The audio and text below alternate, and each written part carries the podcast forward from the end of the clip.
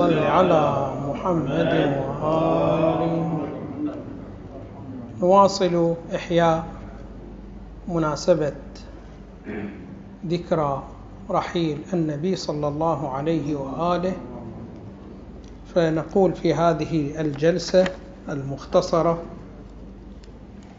الوظائف الشرعية التي بينها النبي صلى الله عليه وآله تنقسم إلى قسمين.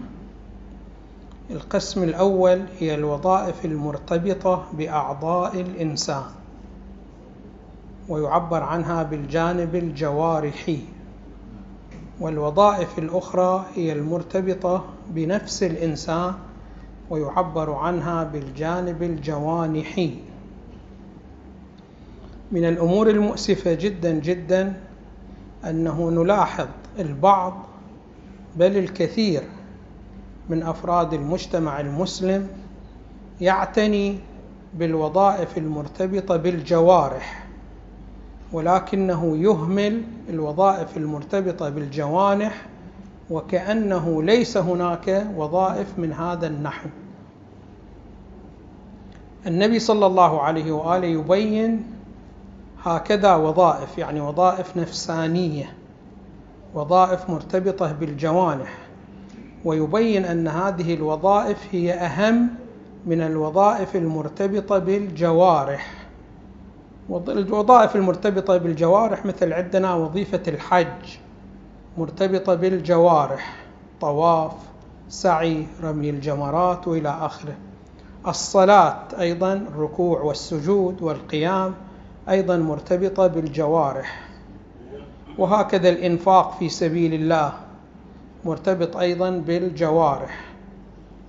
ولكن يقول النبي صلى الله عليه وآله أنه من أراد أن يأتي بهذه الوظائف التي هي مرتبطة بالجوارح وببدن الإنسان من أراد أن يأتي بها منضبطة لا بد أن يلتفت إلى الوظائف التي بنيت عليها هكذا وظائف من الوظائف الجوانحية. فاذا هذه الوظائف النفسانية في الواقع هي إما أنه يتوقف عليها صحة العمل المرتبط ببدن الإنسان أو أنها تزيد قيمة العمل المرتبط ببدن الإنسان. فالآن نلاحظوا الآن إحنا عندنا وظيفة من الوظائف الكبرى جدا بل هي أكبر وظيفة عند الإنسان هي وظيفة التوحيد وهي وظيفة ليست من وظائف البدن الإنساني. يعني أنت ما تستطيع أن تؤدي وظيفة التوحيد بالرجل ولا باليد ولا بالرأس وإنما تؤدي وظيفة التوحيد بواسطة الاعتقاد يعني بواسطة الجانب النفسي فيك أيها العبد المؤمن. بحيث الصلاة إذا لم تستند إلى التوحيد ما تكون مقبولة. كذلك الحج إذا لم يستند إلى التوحيد ما يكون مقبول. الإنفاق في سبيل الله إذا لم يستند إلى التوحيد ما يكون شنو ماذا؟ مقبول. فكثير من الوظائف بل كل الوظائف الشرعية المرتبطة بالبدن الإنساني إذا لم تستند إلى وظيفة التوحيد تؤديها فإنها هكذا مسائل شنو ماذا؟ لا تقبل منك وإن بالغت فيها.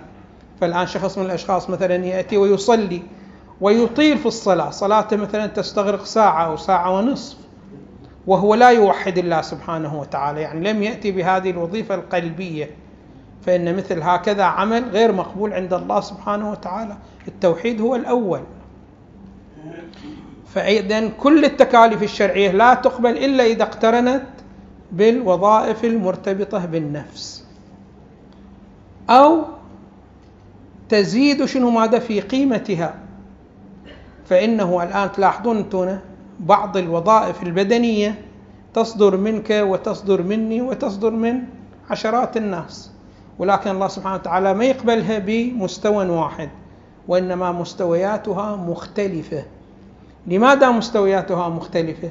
هل لأن البدن يتعب في هذا أكثر من هذا؟ يقولون لا. وإنما هذا البدن عندما يأتي بهذه الوظيفة وهي مرتبطة بتحقيق وظيفة قلبية معينة فإنها تزيد شنو ماذا وترفع من قيمتها. شوفوا الآن نحن نلاحظ بأن أمير المؤمنين سلام الله عليه ضرب عمرو بن ود وصرح النبي صلى الله عليه وآله أن ضربة علي لعمرو تساوي عمل الثقلين. خب لماذا تساوي عمل الثقلين؟ هل للجانب الفيزيائي الموجود في ضربة علي بن أبي طالب؟ يعني كانت فيها قوة بحيث شنو ماذا تساوي قوة العمل الذي موجود عند عمل الثقلين؟ لا مو بهذه الصورة. وإنما لأنها استندت إلى جانب عقائدي في شخصية أمير المؤمنين وبقية الضربات التي صدرت من المسلمين مع أنها قوية وقد تكون أقوى من حيث الجانب الفيزيائي من ضربة علي بن أبي طالب لكن لم يصرح النبي فيها بأنها تساوي عمل الثقلين والسبب الجانب العقائدي التي استندت له. فإذا شنو ماذا؟ العمل قد يسمو وترتفع قيمته عند الله سبحانه وتعالى إذا استند إلى جانب عقائدي بهذا النحو. أمير المؤمنين سلام الله عليه يوصيه النبي صلى الله عليه وآله ويقول له يا علي إذا تقرب الناس بالنسك يعني بالأعمال فتقرب أنت بالعقل تسبقهم. يقول إذا اشتغل الناس بالأعمال الظاهرة وبالغوا فيها أنت اشتغل شنو هذا؟ بجانب العقل يعني بالجانب الوظائف الاعتقادية تسبقهم. فإذا شنو ماذا عندنا؟ نحن مجموعة من التكاليف الشرعية وهي مرتبطة شنو ماذا؟ بالنفس مو مرتبطة شنو ماذا؟ بالبدن. ومؤثرة جدا في قبول الأفعال البدنية ومؤثرة جدا في نحو قبول الأعمال البدنية. علينا شنو ماذا؟ أن نلتفت إلى هذه الحيثية. النبي صلى الله عليه وآله أنا أريد أورد ثلاث عبارات كان يوصي بها علي بن أبي طالب سلام الله عليه مرتبطة باليقين. النبي صلى الله عليه وآله يقول يا علي عليك بتحقيق صفة اليقين في نفسك. اليقين ما هو؟ اليقين يقولون هو عبارة عن شنو ماذا؟ عن ما يقابل الشك. يعني مثلا أنت الآن تعتقد بأن الله سبحانه وتعالى هو المؤثر في كل شيء يقع في هذا العالم. سواء كان في عالم الملائكة أو في عالم الجن أو في عالم الإنس. مملكة الله سبحانه وتعالى وملكه نافذ في كل هذه الطبقات من العالم. يعني ماذا؟ يعني ما يستطيع. لا ملك من الملائكة ولا جني من الجن ولا فرد من الإنس. أن يفعل فعل من الأفعال سواء كان صغيرا أو كبيرا إلا شنو ماذا؟ إلا بإمضاء من الله سبحانه وتعالى وإلا باستفادة من قدرة الله سبحانه وتعالى وإرادة الله سبحانه وتعالى. فأنت هذا الفعل الذي تفعله إذا الله سبحانه وتعالى ما يمدك بالقدرة وهو الله سبحانه وتعالى ما يريد منك هذا الفعل أنت ما تستطيع أن تفعله. إرادة تكوينية لله سبحانه وتعالى منبثة في كل الأفعال التي تحصل في العالم. سواء كان العالم العلوي أو العالم السفلي ما يفرق. فكل عمل من الأعمال بهذه الصورة بهذا النحو.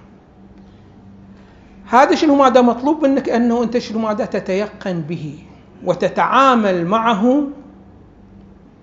تعامل أنه واقع في الخارج. كل تصرفاتك تكون مترشحة عن هكذا تعامل. الآن إحنا عندما نقول حقق اليقين فعليك أن تبحث في نفسك هل أنت قد حققت اليقين أم لا؟ طبعا طبيعة الإنسان بأنه دائما يصحح نفسه ويحمل نفسه على من؟ على الأمر الصحيح. فتقول له بأنه عندنا وظيفة من الوظائف الشرعية مطلوبة من الله سبحانه وتعالى. وبنحو راقي جدا الله سبحانه وتعالى يطلبها وهي صفة اليقين. فهل حققتها في نفسك أم لا؟ كلنا راح نصنف أنفسنا على من؟ على من حقق هذه الصفة في قلبه. النبي صلى الله عليه وآله يقول يا علي إذا عرضت هذا السؤال على نفسك وجاءك الجواب مباشرة من نفسك فلا تطمئن إلى جواب نفسك.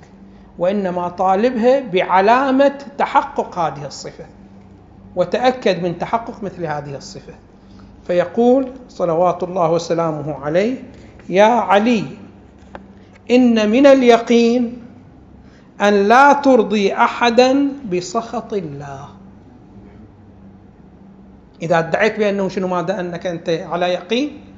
أول شنو ماذا؟ علامة لتحقق هذه الصفة وهي صفة اليقين أنها ما ترضي أحد والله سبحانه وتعالى يسخط عليك.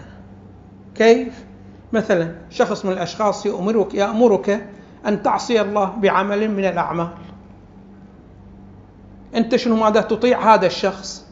هنا أطعت هذا الشخص وأسخطت الله سبحانه وتعالى. هذا علامة على أنه ما عندك شنو ماذا يقين.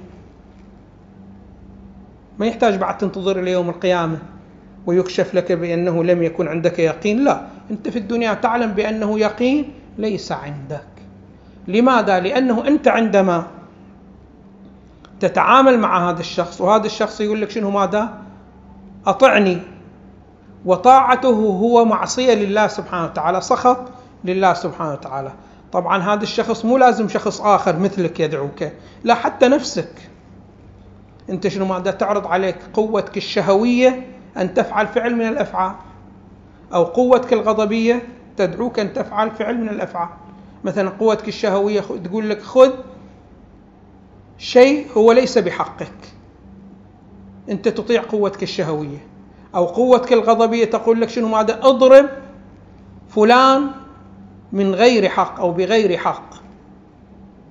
فهذا العمل شنو ماذا أخذ مال الغير أو اعتداء على الغير هذا كله شنو ماذا يسقط الله سبحانه وتعالى.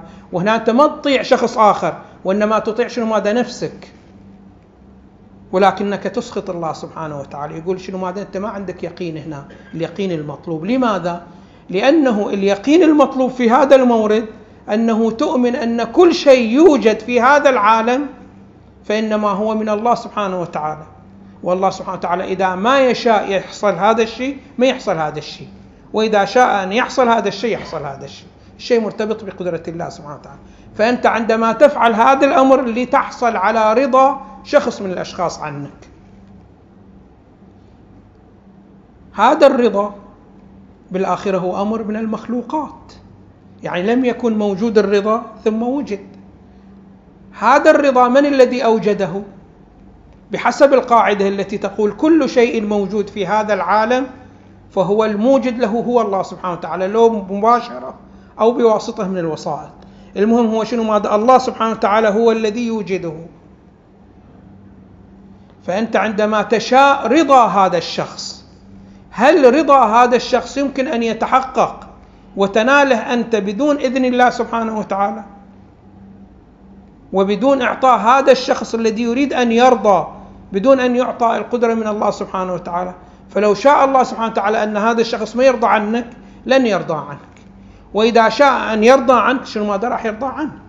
ففي الواقع أنت يجب عليك أن تتعامل مع من؟ مع هذا الشخص أو مع الله سبحانه وتعالى. مع الله سبحانه وتعالى لأنه كل شيء لا يحصل في هذا العالم إلا بعد إلا بعد إرادة الله سبحانه وتعالى. فأنت عندما تأتي وتسخط الله سبحانه وتعالى بناء على أنك ترضي هذا الشخص هذا شنو ماذا التصرف تصرف خاطئ لأن كل شيء لن يحدث إلا بعد شنو ماذا؟ بعد قدرة الله سبحانه وتعالى وامضاء الله سبحانه وتعالى وإنفاذ إرادته. فأنت إذا فعلت هذا الفعل فعندك شنو ماذا؟ اهتزاز في اليقين. ما عندك شنو ماذا يقين بالله سبحانه وتعالى. هذه أول شنو ماذا أول علامة على شنو ماذا على اليقين. يا علي إن من اليقين أن لا ترضي أحدا بسخط الله. الأمر الثاني ولا تحمد أحدا بما آتاك الله. للأسف الشديد كثيرا من الأحيان أحد الإخوان مثلا يحسن إلينا. إحنا مباشرة نتوجه لهذا بالمديح وبالإطراء وإلى آخره. ونغفل بصورة كلية عمن عن الله سبحانه وتعالى. أساسا ما نتوجه إلى الله سبحانه وتعالى. لا بقليل ولا بكثير. يقول هذا أيضا علامة على شنو؟ على أنه ما عندك يقين بالقاعدة التي تقول بأنه كل عطية فهي من الله سبحانه وتعالى. ما قال الله سبحانه وتعالى لا تشكر هذا اشكره واحمد هذا المعطي ولكن مو على نحو تغفل عن الله سبحانه وتعالى وما تراعي شنو ماذا؟ الجانب الإلهي. هذا أيضا شنو ماذا؟ علامة على أنه اليقين لم يكن كما يريده الله سبحانه وتعالى. الأمر الثالث أيضا يقول ولا تذم أحدا ما لم على ما لم يؤتك الله. الله سبحانه وتعالى مثلا شنو ماذا؟ ما أتاك الصحة أو ما آتاك سعة من المال. واضح شلون؟ أيضا هنا ماذا تصنع؟ تذم هذا الشخص وتذم ذاك الشخص. على نحو كأن هذا هو إلى شنو؟ ماذا الإرادة؟ بنحو مستقل. طبعا الإنسان عندما يمنعك حقك هو شنو؟ ماذا؟ مؤاخذ على هذا الأمر ولك أن تذمه. ولكن مو بنحو تذم على نحو تنسى أن الأمر شنو؟ ماذا؟ من الله سبحانه وتعالى. هذا الشخص ما يستطيع أن يذم يذمك أو ما يستطيع أن يمنعك حق من حقوقك إلا أيضا شنو ماذا؟ بإذن من الله سبحانه وتعالى. ولا الله سبحانه وتعالى لو لم يرد أن هذا يمنعك الحق بإمكان الله سبحانه وتعالى أن يصنع شنو ماذا؟ آية فيه. فبمجرد أن تفعل أنت هذا الفعل مباشرة الله سبحانه وتعالى ينزل نقمته عليك فأنت مباشرة تتراجع وتعطي حقه حق هذا المرء تعطيه. له لماذا الله سبحانه وتعالى لم يعطيه؟ لأنه الدنيا الدنيا امتحان. فالله سبحانه وتعالى يسمح بهذا النحو بهذه الصورة. يعني شوف أنت الآن شخص من الأشخاص عندما يغتابك ما يستطيع الله سبحانه وتعالى أن يمنعه من الغيبة؟ يستطيع أن يمنعه من الغيبة. كيف يمنعه بمجرد أن يغتاب لو فرضنا أنه أي واحد يغتاب مباشرة يطلع شنو ماذا؟ أثر لحرف الغين في جبهته. بعد راح أحد يغتاب؟ ما حد راح يغتاب. ولكن الله سبحانه وتعالى جعل هذه النشأة وهذا العالم عالم امتحان لأجل المصلحة. فلذلك يسمح للعاصي أن يعصي ويسمح إلى المطيع شنو ماذا أن يطيع. فالكل شنو ماذا مطلق العنان وحريته موجودة.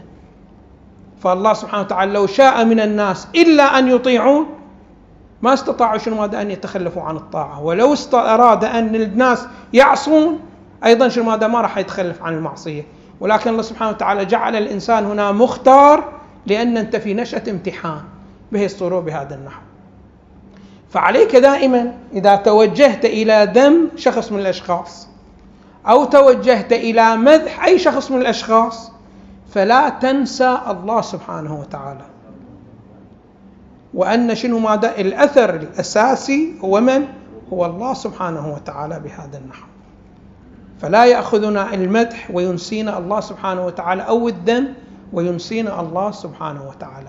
علينا شنو؟ ماذا؟ دائما أن نلتفت إلى هذه الجانب. فعندنا إحنا مجموعة من القواعد يعبر عنها بالقواعد العقائدية. من الضروري جدا جدا شنو؟ ماذا؟ أن نلتفت إليها. البعض يظن بأنه أنا فقط مطلوب من عندي شنو ماذا؟ الرسالة العملية. الرسالة العملية هاي الذي يدونها الفقهاء. حفظهم الله ورحم الله الماضي. تبين شنو ماذا؟ الوظائف البدنية. البعض يظن بأنه بعد ما عندنا وظائف إلا هذه الوظائف فقط. فإن إذا صليت خلاص انتهى. بعد الله سبحانه وتعالى ما يطالبني بشيء من الأشياء. وحجيت خلاص ما يطالبني بشيء من الأشياء. لا نقول له بأنه هذه أولا شنو ماذا؟ إذا لم تقترن مع قواعد العقائد فلا قيمة لها وهي غير مقبولة. كذلك المنزلة إذا قبلت فإنما هذه تقبل في منازل جدا متراغ متراغ آه، مترامية هذه المراتب وبعضها شنو ماذا؟ يرتقي على المراتب الأخرى يرقى على المراتب الأخرى. فعلينا شنو ماذا؟ أن ننظر في هكذا. أنا آتي شنو ماذا؟ بالصلاة علي شنو ماذا؟ أبحث. كيف آتي بهذه الصلاة؟ صلاة جدا قيمة وتفيدني في الآخرة. فعلي أن أرتبط بالجانب شنو ماذا؟ بالجانب العقائدي. وأحترم الجانب العقائدي في مقام شنو ماذا؟ أعمالي. وألتفت إليه دائما وابدا. غفر الله لي ولكم والحمد لله رب العالمين وصلى الله على محمد وآله الطيبين الطاهرين. اللهم صل على محمد وآل محمد. اللهم صل